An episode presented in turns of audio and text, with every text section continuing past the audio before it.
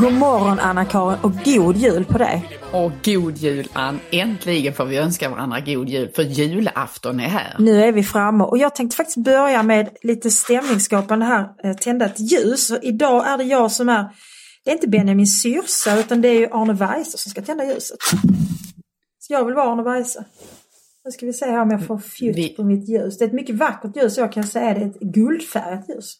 Såklart. Nu så. Nu lyser ljuset. Nu lyser ljuset och vi är era julvärdinnor och vi ska därför tillsammans öppna den 24 luckan. Era julvärdinnor kan jag säga iklädda blanka röda klänningar. Mycket smakfullt, Mycket eh, och smakfullt. läckert på, på samma gång. Ja. Vi, vi öppnar luckan här och jag ser en stjärna mot en dunkelblå bakgrund.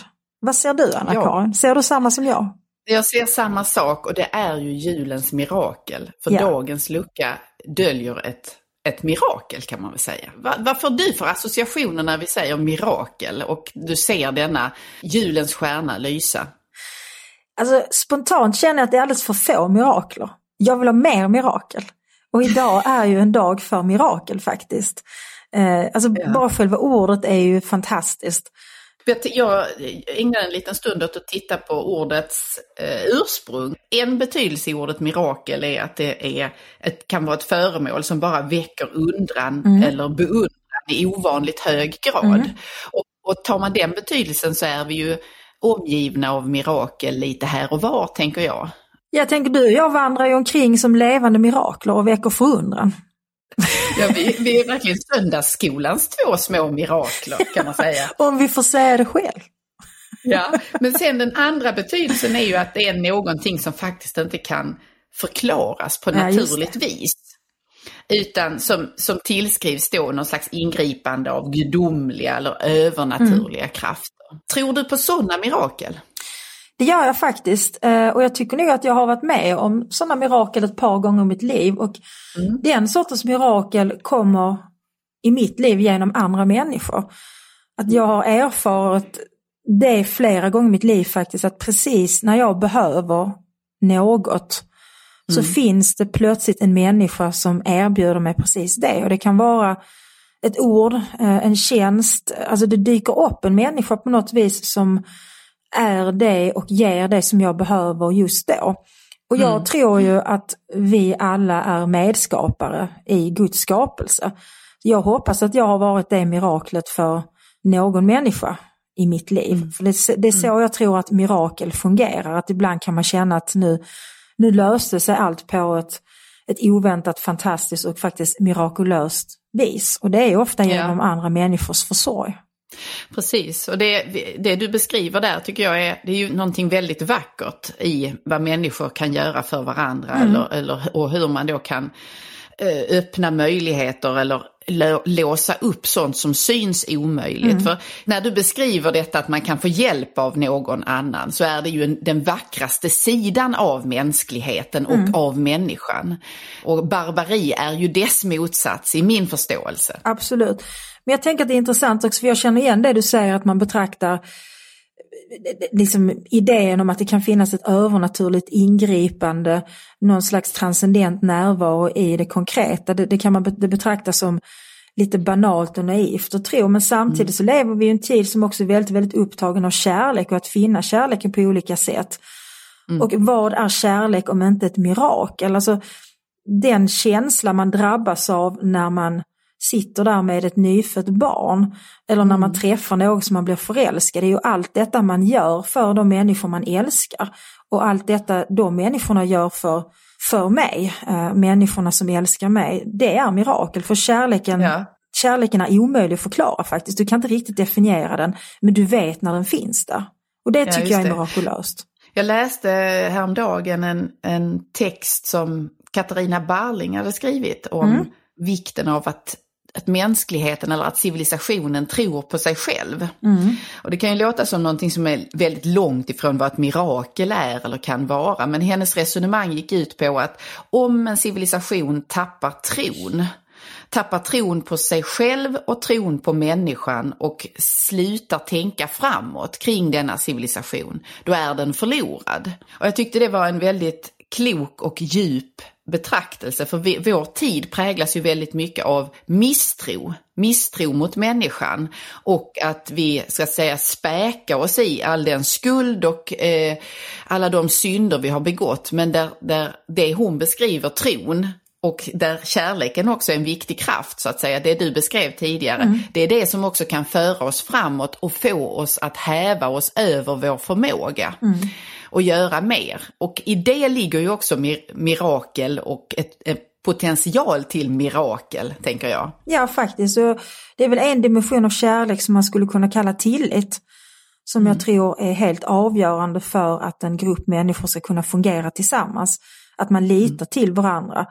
Därför misstro, misstänksamhet och rädsla är en mycket dålig grogrund för att faktiskt häva sig över sin egen förmåga och att ta sig vidare och framåt och uppåt. Och det kan vi ju mm. göra tillsammans. Och det är också något av ett mirakel när man ser människor samarbeta. Därför när vi gör det så kan vi åstadkomma så mycket mer än när vi gör saker var och en för sig. Om vi drar åt ja, samma precis. håll som man säger på lite så managementspråk.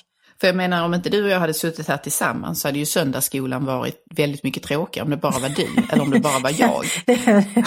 det är helt, jag tycker att, att ett av de mirakler som har inträffat det år som vi lämnar bakom oss det är faktiskt att vi lärde känna varandra för vi kände inte varandra ja. innan. Nej, och att vi har haft så många roliga eh, spirituella samtal som har, jag menar det är fantastiskt att vi har alla lyssnare som följer med och kommenterar men det här ger mig otroligt mycket att få tala med dig på det här sättet som vi har gjort nu, inte bara 24 kvartar utan också de långa avsnitten. Det uppstår magi. Ja.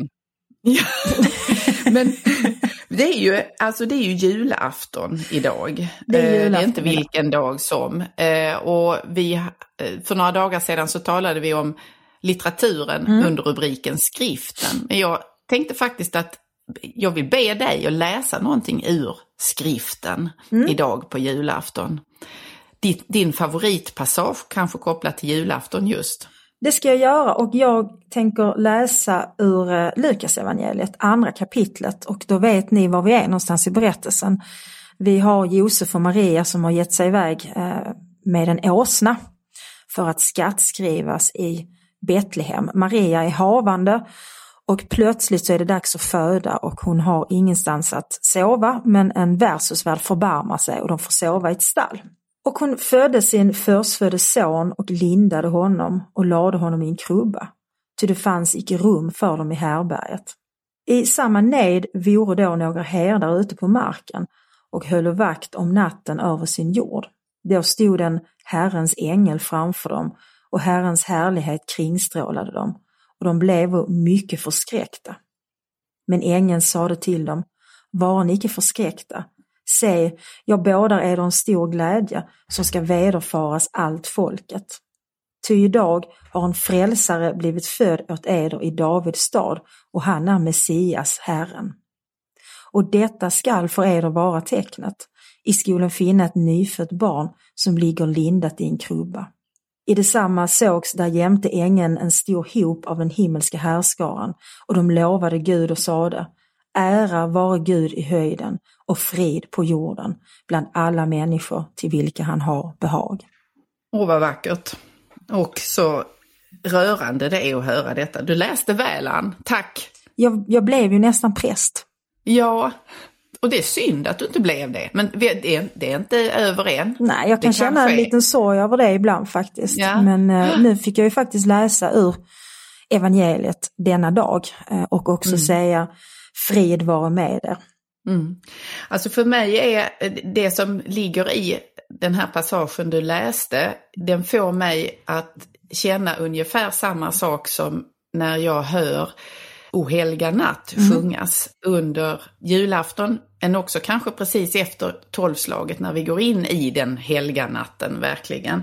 Och då finns det två rader där som, eller egentligen två stycken som alltid griper mig med väldig kraft. Och dels är det hoppets stråle går igenom världen och ljuset skimrar över land och hav. För det är precis det som mm. finns i texten du just läste. Det sammanfattar texten och textens budskap väldigt, väldigt väl. Ja, och sen finns det i den andra versen så sjunger om det nu är Jussi Björling eller om det är Tommy Körberg eller vem det än är. Ty frälsaren krossat våra tunga bojor, vår jord är fri, himlen öppen nu är.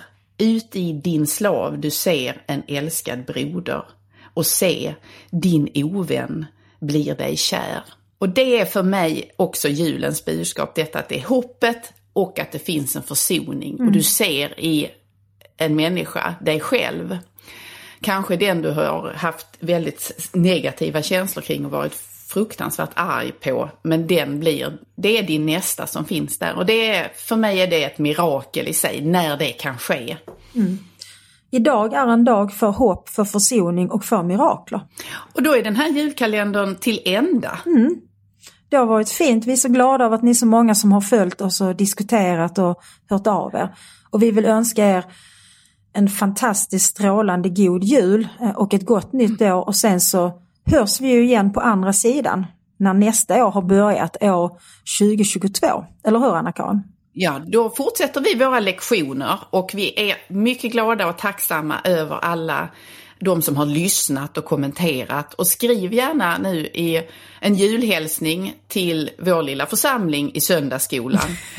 Ja men vi är lite av, utav en församling. Absolut. Vi håller ihop och vi har, det är flera som har sagt att det här har blivit en slags gemenskap. Och det tycker jag är det finaste betyg man kan få faktiskt. Så vi, vi hoppas också. att vi håller ihop också nästa år. Ja, vi hörs nästa år. God jul! God jul! Ha det fint idag. Hej då! Hej då! Hej!